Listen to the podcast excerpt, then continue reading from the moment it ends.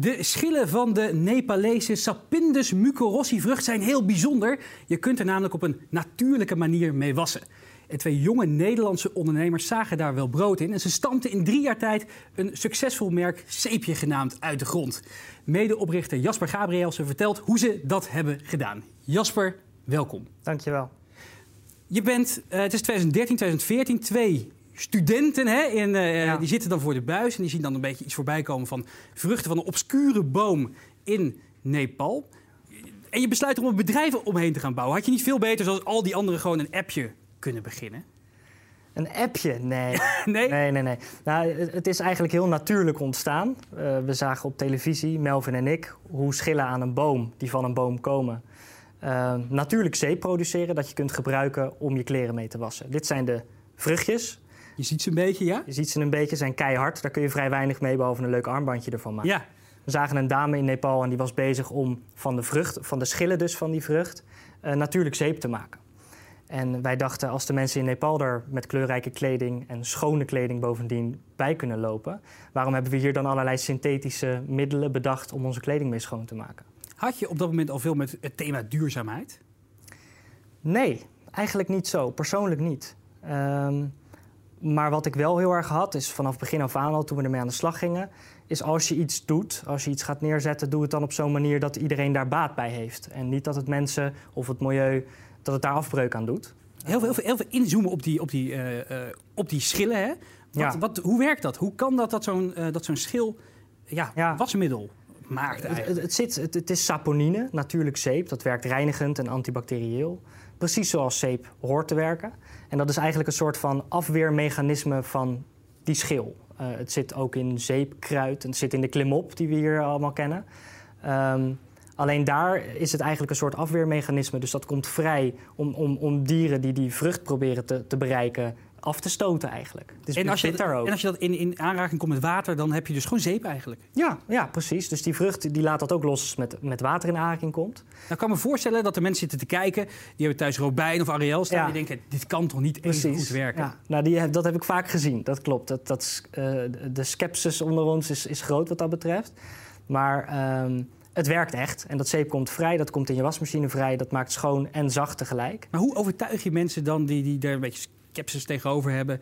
dat het echt net zo goed werkt? Proberen. Dus wij, staan, eh, wij stonden vanaf het begin af aan stonden we al met een, eh, met een grote wekpot met water erin, schilletjes erbij, stonden we in winkels te laten zien dat het echt schuimt. Want schuimen is natuurlijk voor mensen, oh dan zal het wel schoonmaken. Terwijl schuim maakt niet schoon. Dat is alleen een indicatie daarvoor. Ehm, maar je probeert mensen te overtuigen door het verhaal te vertellen, doordat mensen daar in Nepal ermee wassen. Doordat wij het zelf veelvuldig hebben geprobeerd en onze moeders ook wastesten hebben laten uitvoeren. En eh, uiteindelijk, als steeds meer mensen het gaan proberen, gaat die bal rollen. Vertellen mensen er ook over, hè? want het is natuurlijk heel apart als je met schillen gewassen hebt. En nog heel veel terug naar, naar, naar het begin. Je, je zat naar die tv te kijken, je zag, Ja. hey, dit product is er. Jullie besloten om jullie spaargeld bij elkaar te leggen... en zo'n kist met van die schillen naar Nederland te halen. Ja. Maar ja, dan, dan moet je een merk bouwen, dan moet je die dingen aan de man krijgen. Hoe heb je dat allemaal gedaan?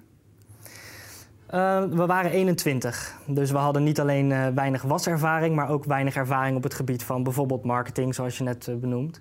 Ehm, we hebben heel veel mensen erbij betrokken. Mensen die wij zelf inspirerend vonden, gemaild, gebeld, gezegd van joh, kunnen wij niet eens langskomen en praten over ons idee. Ehm, we hebben ons ideeën aan die mensen voorgesteld, super enthousiast ons verhaal verteld. Ook over dat we een positieve impact nastreven op zowel het milieu in Nepal als de mensen daar, et cetera. En dan worden mensen enthousiast en zijn ze geneigd je ook daadwerkelijk te helpen. Eh, wat prachtig is natuurlijk. Want die mensen kunnen ook heel veel geld verdienen met hun, eh, hun advies. Eh, dat hadden wij niet. Hebben we nog steeds niet. Maar ehm, dat is fantastisch. En we hebben zo nog steeds heel veel mensen om ons heen die, die ervoor zorgen dat wij het wiel niet opnieuw hoeven uit te vinden. Want ik betwijfel of we dat dan ook steeds zouden kunnen op al die verschillende vlakken. Je bent nu een jaartje of drie onderweg. Ja, Wat, heb, wat was het lastigste in het bouwen van het merk Zeepje tot nu toe? Het lastigste. Ehm, Is dat, het, is dat het bouwen van zo'n brand? Is dat die awareness creëren? Is het verhaal overbrengen naar een grote groep mensen? Ja, ik denk dat het eh, eigenlijk de som is van dat alles. Dus er zitten, overal zitten uitdagingen in. Als je mij vroeger dingen over, over marketing of het bouwen van een merk had gevraagd die ik nu weet, of over packaging design, waar we laatst die awards mee hebben gewonnen, had ik ze niet geweten. En dat zijn dan hele grote uitdagingen. Hetzelfde geldt denk ik voor wat betreft finance of, of dat soort dingen. Ja, er, er zitten grote uitdagingen in die je gewoon overkomt met de hulp van veel mensen om je heen, maar ook door zelf heel veel te studeren en te leren gaandeweg. Want het gaat gewoon heel, het gaat heel goed met het merk. Dat kunnen we wel Ja. zeggen. Je ligt bij 1100 winkels. Ja. eh, jaaromzet van pak een beet 650.000 euro. Ja, Is het wel eens lastig om dat verhaal over te brengen? Dat eh, eh, impact maken ook samengaat met commercie? voor mij is dat heel logisch. Want ik vind ook dat als je, als je wat uitzoomt, ik vind dat de impact ook moet komen van ondernemingen. Ik denk dat dan zit er namelijk sociaal ondernemerschap, daar zit voor iedereen zitten daar benefits in. En op het moment dat je kijkt naar bijvoorbeeld de NGO's en wat er daar aan de strijkstok blijft hangen, de effectiviteit ook van NGO's. In Nepal bijvoorbeeld, het land waar onze schillen vandaan komen, zitten volgens mij, nou, er zitten echt duizenden, ik ga het getal maar niet noemen, want straks klopt het niet precies, maar duizenden NGO's. En als je kijkt dat het nog steeds een van de armste landen ter wereld is, denk ik, wat doen die dan? Maar dat het werkt, geloof ik ook. Maar is- is er sceptisch bij sommige mensen? Dat ze zeggen, ja, Ja, je, je, bent ja. nu, je bent nu geld aan het verdienen over de rug van anderen misschien. Ja, wij, wij hebben niet zo heel veel kritische, zulke kritische reacties. Maar ik snap wel dat mensen het bevragen. En dat vind ik ook alleen maar goed, want dat houdt iedereen ook scherp wat dat betreft. Ehm, mag je wel winst uitkeren als sociale onderneming? Mag je jezelf wel een, een, een bovenmodaal salaris uitkeren? Dat is Ja, en hoeveel dan? Dat zijn natuurlijk Precies. wel vragen. En dat zijn, dat zijn ook terechte vragen. En dat zijn- is ook goed dat we daarover nadenken. Nou, Tony Chocolonely had het laatst nog. Hè? Dat, Ja. Henk, er was bekend geworden dat hij, Henk-Jan Beltman, een van de, van de eigenaren, had zich wel een bepaald salaris uit. Iemand die CP overigens Ja. heel veel helpt en, en heel erg betrokken is. Ja. Ja. Dus die, die vragen, ja, die, die, die kunnen op een gegeven moment komen. Gelukkig hebben jullie ook heel veel fans. Ja. Eh, en en, en ik was benieuwd, hoe betrekken jullie die fans bij het bouwen van jullie merk? Eh, volgens mij gaan jullie veel met ze in gesprek. Ja, dus wij proberen, we, we organiseren kleine evenementen, spoelbeurten noemen we dat. Dat is een, een deel van het wasprogramma. Hè. En dan ehm, komen ze bij ons langs op kantoor, mogen ze een dagdeel actief met zeepje meedenken. Dus mogen ze ons letterlijk het hemd van het lijf vragen en ons op de grill leggen. Ehm, Wat voor mensen zijn het dan die er tijd voor vrijmaken? dat zijn echt hele, hele gevarieerde groep. Maar we moeten ook wel eerlijk zeggen dat we vaak veel meer aanmeldingen krijgen dan dat we in ons kantoor kunnen, eh, kwijt kunnen. Dus we selecteren wel ook mensen dan. Ehm, en dat, dat is dan een hele gevarieerde groep. Van een jonge dame tot een oude meneer. Van eh, het noorden van het land tot het zuiden van het land. En mensen die wel heel erg betrokken zijn bij ons merk. Maar ook heel kritisch zijn. We, we- we willen niet alleen maar mensen die het alleen maar heel leuk vinden. Wat voor kritische vragen stellen ze dan? Heb je een voorbeeld ervan? Ehm, ja, als je bijvoorbeeld kijkt naar het gebruik van palmolie. Ik vind dat een heel interessante kwestie. Ehm, palmolie is een van de meest efficiënte ingrediënten als het gaat over reiniging. En eh, ook over bijvoorbeeld het vermengen van geuren door de rest van, eh, van, van het middel heen. Ehm, palmolie is wel een heel erg omstreden ingrediënt. En dat komt door de hoeveelheid die ervan gebruikt wordt. En de schaal waarmee er vervolgens druk wordt gezet op de mensen die dat dan in die landen moeten gaan maken. Daardoor worden er bossen voor gekapt, eh, woongebieden worden kapot gemaakt, leefgebieden ook van, van dieren, mensen. En dan denk ik, ja, ehm, wat, wat moeten we nou? Want als we het allemaal overzetten naar een andere grondstof die ook dergelijke functies heeft, dan heb je daar een nog groter probleem, want die zijn per definitie minder efficiënt. Ehm, dus wat ik denk dat we moeten doen, is dat ingrediënt gebruiken naar noodzaak. Dus we moeten niet zoveel mogelijk van het ingrediënt gebruiken. We moeten kijken wanneer hebben we het nodig om een product te maken dat kwalitatief goed genoeg is voor mensen. Dat lekker ruikt, goed schoonmaakt, et cetera. Ehm, maar we moeten het ook niet overdrijven. Hè? Want dan krijg je een situatie zoals die, er nu, zoals die nu plaatsvindt. Wat ik wel opvallend vind bij Zeepje is dat jullie hebben niet alleen gekozen om inderdaad het product zelf, die, die, het gebruik van die schillen, Ja. eh, als, als duurzaam aspect te pakken voor jullie bedrijfsvoering, maar eigenlijk de hele keten erbij te betrekken. alles wat wij eh, kunnen, alles wat wij aan mogelijkheden zien om ofwel impact te maken eh, of dingen beter te doen dan dat wij nu zien gebeuren, die, dat grijpen wij aan. Ehm, En dat gaat dus inderdaad van de lokale mensen Ja. daar, hè? ja, maar dat is wel gelinkt natuurlijk aan ons bedrijf. Dus ik ga nu niet eh, me opeens volledig storten op, het, eh, op de hongersnood ergens. Alleen het hygiëneprobleem in derde wereldlanden vind ik wel iets waar wij op termijn heel veel mee kunnen. Ehm, wij maken hygiënische producten, producten die hygiëne bevorderen.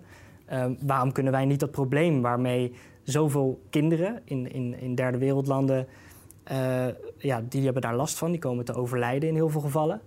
Ehm, door maar ziektes die te voorkomen zijn door hygiëne te bieden. Weet je Maar jullie zorgen dus inderdaad dat, dat de mensen in Nepal een goed salaris Ja. hebben bijvoorbeeld. Maar ook dat eh, het inpakken hier gebeurt door mensen met een, eh, eh, hoe heet een afstand tot de, Ja, tot de arbeidsmarkt. hè? Precies, op een sociale werkplaats. Is het nog allemaal wel eh, bedrijfsmatig vol te houden, vraag ik me dan af. De focus bewaren is ook heel belangrijk, dat klopt. Dus eh, ehm, Maar ook op margegebied. Kan je, kan je het nog voor een goede prijs verkopen? Hou je er nog genoeg aan over zelf? Ja, het, het mooiste is natuurlijk als je combinaties vindt tussen dingen die eh, zowel commercieel interessant zijn en het bedrijf verder brengen, als ook mensen verder brengen die dat hard nodig hebben. Dus de Wassen voor Nepal-campagne is daar een mooi voorbeeld van, die we in 2015 hebben gedaan na de aardbeving die daar heeft plaatsgevonden. Ehm, toen hebben we met onze fans, 1200 mensen hebben hier in Nederland meegedaan. 35.000 euro ingezameld voor de mensen in Nepal die getroffen werden dus door die aardbeving. En we hebben binnen een week eh, die mensen ook kunnen helpen daar in Nepal, 1300 stuks, ehm, met, met noodhulp, goederen. Dus eh, water, medicijnen, voedsel, tenten. Die mensen waren nog niet bereikt door de VN bijvoorbeeld. Dus dat was ontzettend hard nodig. Maar die Echt campagne... directe impact gemaakt in het leven van die mensen. Precies, die, die mensen misschien wel het leven gered. Ik ga daar niet te hard over, weet ik was er niet bij. Maar het is wel een ontzettend mooi iets wat je kunt doen. Anderzijds, ehm, die campagne heeft commercieel een enorme impact op CEPI gehad. Want we hebben allerlei televisieprogramma's gedaan. We hebben radio-interviews gedaan. Alle kranten gehaald met die, met die campagne. Dus het goed doen versterkt eigenlijk ook gelijk je business. Versterkt elkaar dan, ja. Je hebt onlangs een hele succesvolle crowdfunding-campagne gehad. En Ja. volgens mij 36 uur, anderhalve dag of zoiets, had je drie ton opgehaald. Ja, wel een beetje vals spelen was dat hoor. Hoezo? Want, eh, nou, er zit normaal gesproken een hele lange aanlooptijd aan dergelijke campagnes. Ja. Dus er staan al heel veel mensen dan ingeschreven. En die staan eigenlijk paraat om mee te doen. Hè? Mhm. Eh, wij hadden dat niet zozeer, maar wij hebben ervoor gekozen om al eerder onze fans eigenlijk uit te nodigen van jongens, jullie krijgen de eerste kans om mee te doen.